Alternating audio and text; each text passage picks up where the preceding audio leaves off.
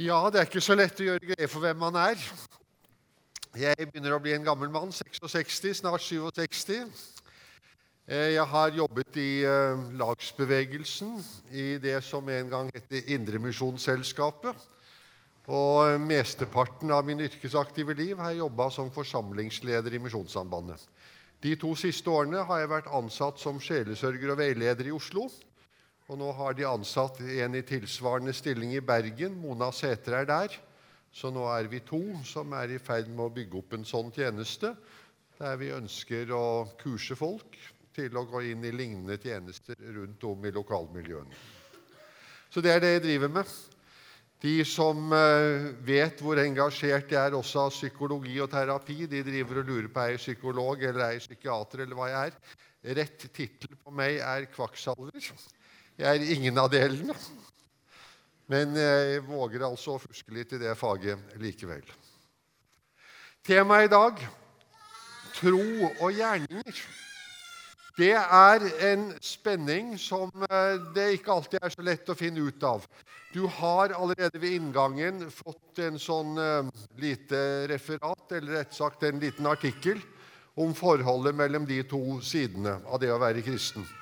Og Hvis du nå har tenkt å sitte og se hvor i dette manuset befinner jeg meg mens jeg nå står her og taler, så blir du bare forvirra, for jeg kommer ikke til å følge det manuset likevel. Men du kan lese når du kommer hjem. Der vil du finne det meste av det jeg har sagt, pluss en god del som jeg ikke får tid til å si. 25 minutters tale det er altfor lite til to av fire sider med så liten skrift. Så bare dropp det arket. Og så skal jeg begynne i en historie som mange har hørt. Historien om Nikodemus. Han som var en fariseer og rådsherre og kom til Jesus om natta. Og Nikodemus var en from mann, og han henvendte seg til Jesus med en større ærbødighet enn folk flest. For når han kommer til Jesus, så sier han, eh, 'Mester, vi vet at du må være sendt fra Gud. Det er ingen som kan gjøre sånne tegn som du gjør, hvis ikke Gud har sendt ham. Og maken til positiv bekjennelse det er det ikke så lett å oppdrive fra folk flest i evangeliene. Og så sier Jesus til Nikodemus, og det er nesten sånn god dag, mann økseskaft, for det høres nesten ut som Jesus ikke legger vekt på det han sier. For Jesus sier, 'Sannelig, sannelig, jeg sier deg:" Den som ikke blir født på ny, kan ikke se Guds rike. Nikodemus, det er ikke nok at du har noen fine teorier om meg. Du trenger et nytt liv. Det å være en kristen er ikke først og fremst å holde fast på rett lære. Det å være kristen er ikke først og fremst å ha en bestemt livsstil. Det å være en kristen er ikke først og fremst å være med i et kristent arbeid og ha en tjeneste. Og nå har jeg veldig stor tro på både rett lære og rett liv og det å stå i en tjeneste. Men du blir ikke en kristen av det. Jeg hadde en kollega da jeg jobbet i lagsbevegelsen, som har snakket til elever i videregående skole. Så pleide han å si du blir ikke en bil dersom du begynner å gå inn og ut av garasjen, og du blir ikke en kristen av å gå inn og ut av kirka. Det er et poeng. Skal du ha evig liv, sier Jesus, så trenger du noe annet enn lære, etikk og engasjement. Du trenger faktisk et nytt liv. Såpass radikalt så at vi kan si at det er å bli født på ny. Så begynner Nikodemus å spørre hvordan skal dette skje. Og Så får han to svar på det. Han får svaret at det blir du ved å bli døpt. Det neste svaret han får, det blir du ved å tro. Når Jesus underviser disiplene sine den siste kvelden han var sammen med dem, da han nettopp hadde vasket deres føtter, så begynte han å fortelle dem at når han hadde gått bort fra dem, så skulle han sende dem Den hellige ånd. Og Så sier Jesus noe veldig radikalt. Det er faktisk til gagn for dere at jeg går bort, sier han. For går ikke jeg bort, så kan jeg ikke sende talsmannen til dere. Og Så sier han om Den hellige ånd Den hellige ånd skal være hos dere, og Den hellige ånd skal være i dere. Har du lagt merke til at når Bibelen snakker om forholdet mellom oss og Den hellige ånd, så sier den vi er i ånden, og så sier den at ånden er i oss. Jeg er blitt fortalt en gang om en gammel predikant som fikk et hissig spørsmål fra en av sine tilhørere. Hvordan kan vi være i ånden, ånden i oss samtidig? Og så var svaret fra han dersom du senker en bøtte ned i vann, så er bøtta i vannet, og vannet er i bøtta. Ikke dumt sagt. Når vi lever i Den hellige ånds sfære, så er ånden rundt oss, og den er i oss. Og så sa Jesus en del ting til. Han sa ikke bare at Den hellige ånd skulle ta bolig i disiplene. Han sa 'Jeg kommer og tar bolig i dere'. Ja, han sier altså til og med at Faderen skal komme og ta bolig i ham. Hvis vi leser Johannes 14, vers 23, så sier Jesus, 'Den som elsker meg, vil holde fast på mitt ord.' Og min far skal elske ham, og vi skal komme og bo ham. Vi. Har du blitt en kristen, så har altså Faderen og Sønnen og Den hellige ånd tatt bolig hos deg og i deg. En fantastisk tanke. Vi kan mange ganger føle oss ganske små, og vi kan gå rundt og tro om oss sjøl at vi er ganske små, og vi kan tro om oss sjøl at vi er ganske ubetydelige. Men den treenige Gud har faktisk tatt bolig i oss. Han har gjort det helt uten at vi har fortjent det. Han har gjort det fordi at han av en ubegripelig grunn er glad i deg og meg på tross av at han kjenner oss. Han som elsket verden i den grad at han ga sin enbårne sønn, for at hver den som tror på han, skal ha evig liv. Jesus kom for å gi deg og meg nytt liv, og vi får det ved personlig fremmøte. Han deler det gratis ut til alle som kommer. Han sender det ikke i posten, det er ved personlig fremmøte. Kom til Han den levende stein, sier Peter, og bli selv levende steiner som bygges opp til et åndelig tempel.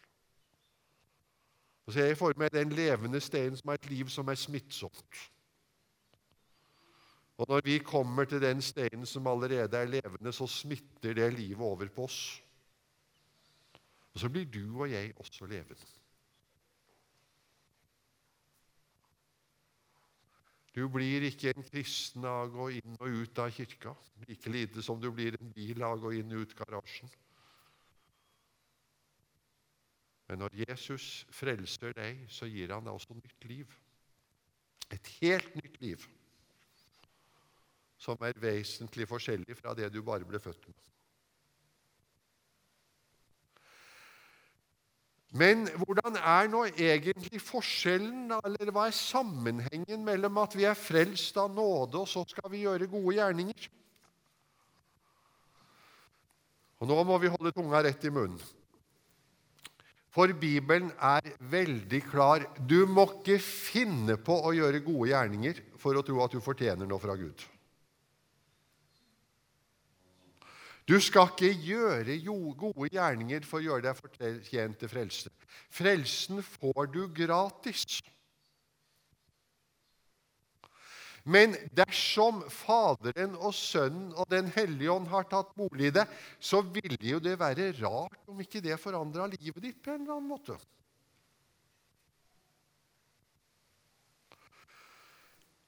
Vi er vant til å snakke om lov og evangelium. Vi burde snakke om noe annet også. Vi burde snakke om at Bibelen ikke bare har lov, men den har formaninger. Og Hva er forskjellen på loven og formaningen? Og nå skal vi ta et kortkurs, og det er altfor kort, men vi våger å være ufullstendig. Loven er gitt for at du skal se at du kommer skikkelig til kort. Du kommer aldri til å fortjene frelsen. Hvis du prøver å gjøre deg fortjent til noe fra Gud ved å følge loven, blir du bare motløs.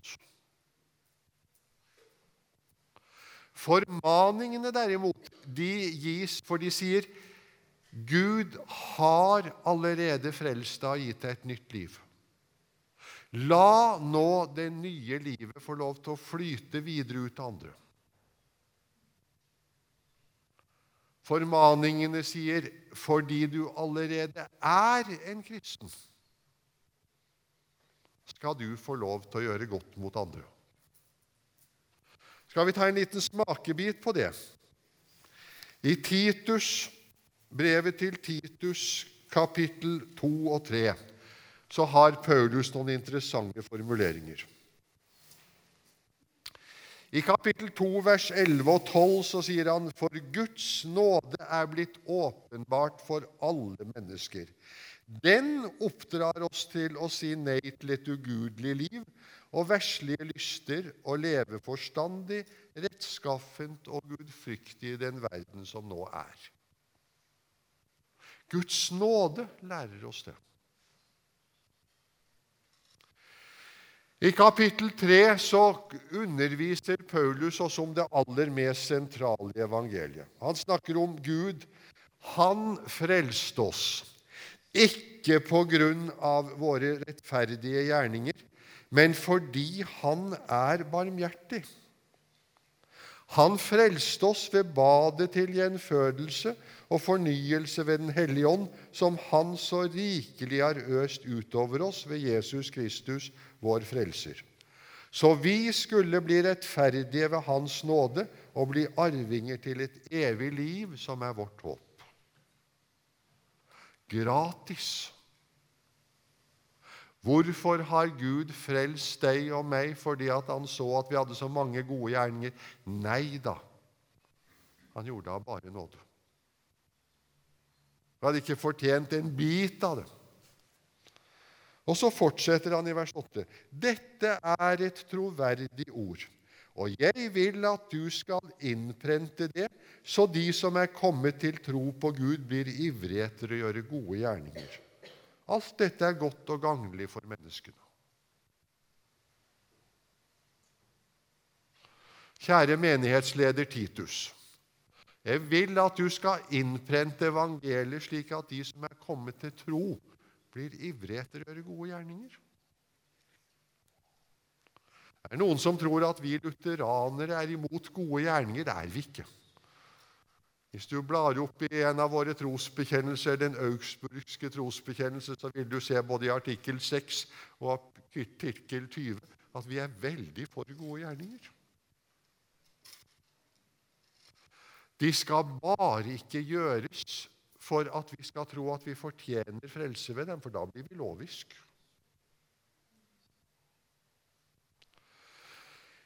Vi har så lett for å tenke at når vi skal gjøre gode gjerninger, så er det fordi vi skal please Gud. Og så begynner vi å misforstå. Så gjør vi gode gjerninger, og så sier jeg noen gode ord der, Jørn går til, så sier jeg, 'Hei, Gud, er du fornøyd med meg nå?' Fikk jeg stjerne i boka nå? Er jeg en bedre kristen nå? Og så vil Bibelen lære meg du skal ikke gjøre gode gjerninger for Gud. Gud trenger ikke mine gode gjerninger. Gud klarer seg utmerket uten mine gode gjerninger. Han har alt i sin himmel, han trenger ikke noe. Men min neste greier seg ikke uten mine gode gjerninger. Istedenfor at jeg retter mine gode gjerninger opp til Gud i håp om å fortjene noe, så skal mine gode gjerninger få lov til å gis til min neste. For min neste trenger dem. Og Luther hadde mange saftige uttalelser om det der. Han kunne si at Gud har sparket de gode gjerningene ut fra himmelen og ned på jorden, for det er der de trengs. Og så sier han vi blir frelst ved troen alene, men troen er aldri alene. Der det er liv, der skjer det noe. Nå har vi smakt litt på Paulus og på Johannes. Skal vi ta Johannes brev enda en gang? Johannes første brev, kapittel 4. Der snakker Johannes om hva kjærlighet er. Og i 1. Johannes' brev, kapittel 4, vers 10 og 11, så sier han ja, dette er kjærligheten. Ikke at vi har elsket Gud, men at Han har elsket oss og gitt sin sønn til soning for alle våre synder.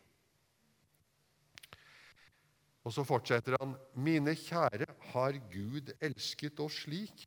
Da skylder også vi å elske hverandre. Og så ser du hvor det begynner. Kjærligheten begynner hos Gud.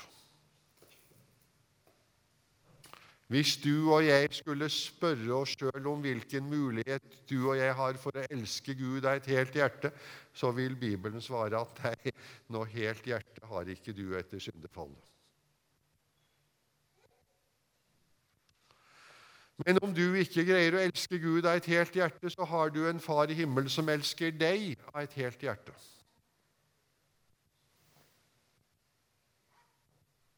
Det var derfor han sendte sin enbårne sønn.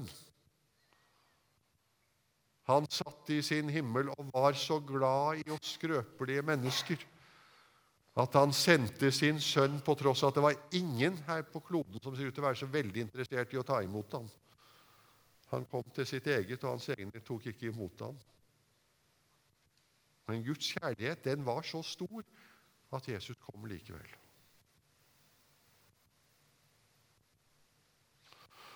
Kjærligheten starter med at Gud sender den inn i ditt og mitt hjerte.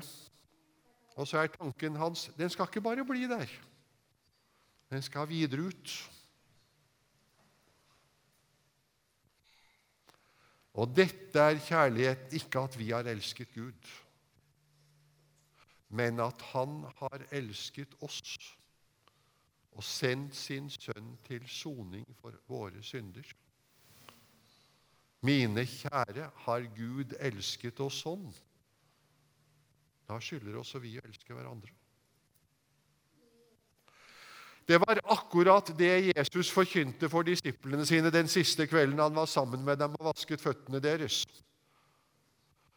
Da gjorde Jesus en tjeneroppgave. Det å vaske gjestenes føtter det var den verste jobben en slave kunne få. Den var så ille at hvis det fantes fremmedarbeidere blant slavene, så var det fremmedarbeiderne som fikk den jobben, for de jødiske slavene følte seg for fornemme til å vaske gjestenes føtter. Så når Jesus gjør den jobben overfor sine disipler,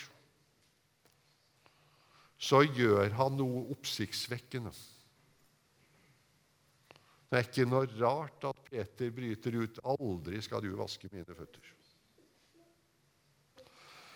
Men så begynner Jesus å undervise dem.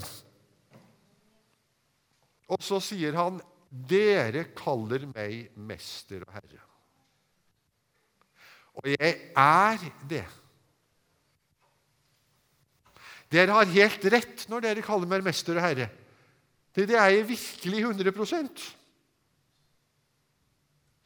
Og nå har dere sett meg som er mester og herre. Jeg vasker føttene deres. Nå skal dere få lov til å vaske hverandres føtter. Hvis jeg som er mester og herre, ikke er for stor til å vaske føttene deres, så er dere heller ikke for store til å vaske andres føtter. Alltid lurt på hvorfor Peter hadde den der holdningen 'Aldri skal du vaske mine føtter'. Jeg var på en Thomas-messe for mange år siden. Jeg skulle være taler på den Thomas-messen. Og Etter at jeg hadde talt og man begynte vandringen, så kom vi til min store overraskelse til en sånn post der det var vaskefat og håndduk og noen som sto klar til å vaske føttene til de som ville sette seg ned. For meg var det den mest utfordrende posten på hele den Thomas-messen. Jeg lærte enormt der. For min første tanke var aldri i livet, Gunnar, skal du la noen vaske føttene dine? Bli betjent på den måten. Jeg tror jeg aldri følte meg sånn i slekt med Peter. Aldri skal du vaske mine føtter. Det var pinlig. En av mine medarbeidere, som eh, han var formann i ungdomslaget på den tiden, og han fant altså ut at når de da møttes etter sommerferien og de skulle starte på nytt styremøte, så skulle han vaske føttene til de andre styremedlemmene. Jeg tror de lærte noe av det samme som meg.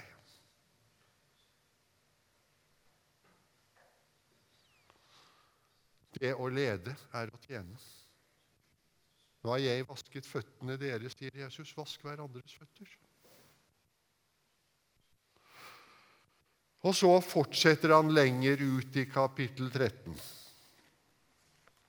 Slik som jeg har elsket dere, skal dere elske hverandre. Han sier ikke 'ta dere sammen', altså. Sett og fisk opp fra dybdene deres alt dere har av kjærlighet. Ta all den kjærligheten som bor i dere. Nå må dere jammen sette og skape noe. Men det er ikke det han sier. Han sier 'slik som jeg har elsket dere'. Har jeg gitt dere påfyll. Det skal dere få gi videre.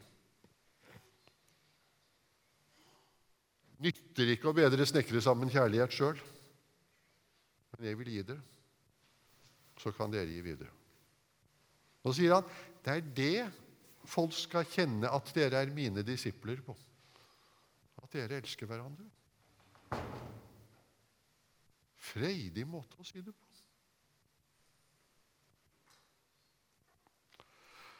Formaningene henvender seg til de som er frelst. Vi har noen interessante formaninger i 1. Tesalonikerbrev.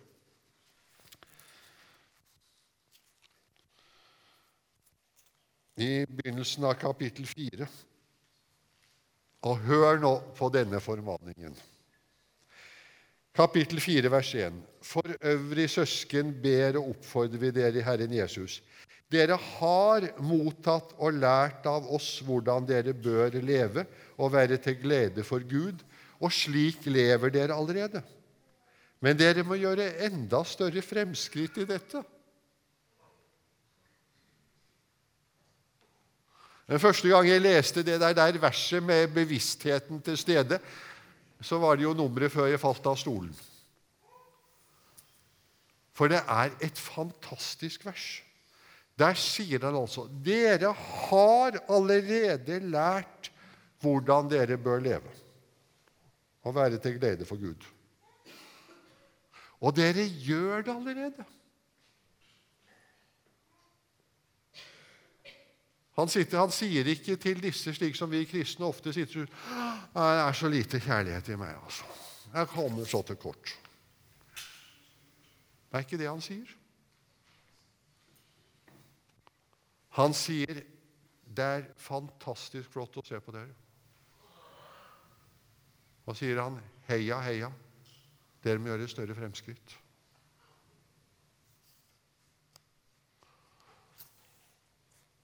Hvis vi forflytter oss til kapittel vers 9, 4-9 Om søskenkjærligheten trenger vi ikke skrive til dere, for dere har selv lært av Gud å elske hverandre.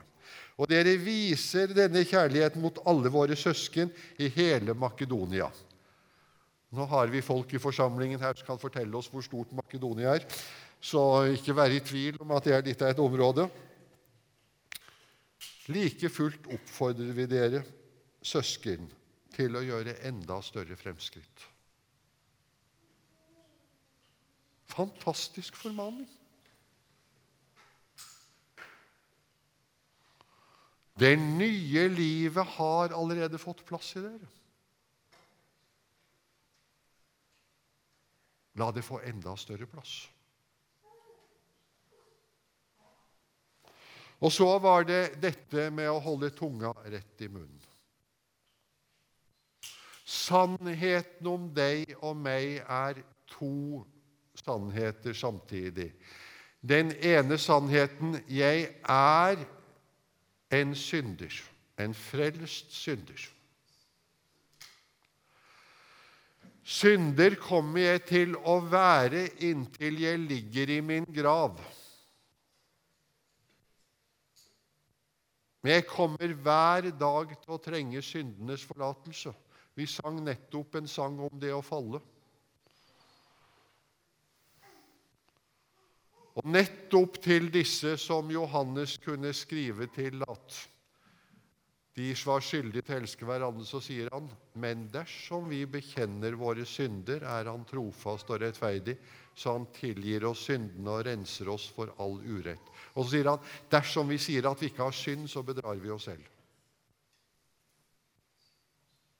Så Det er den ene sannheten. Du trenger hver dag syndenes forlatelse.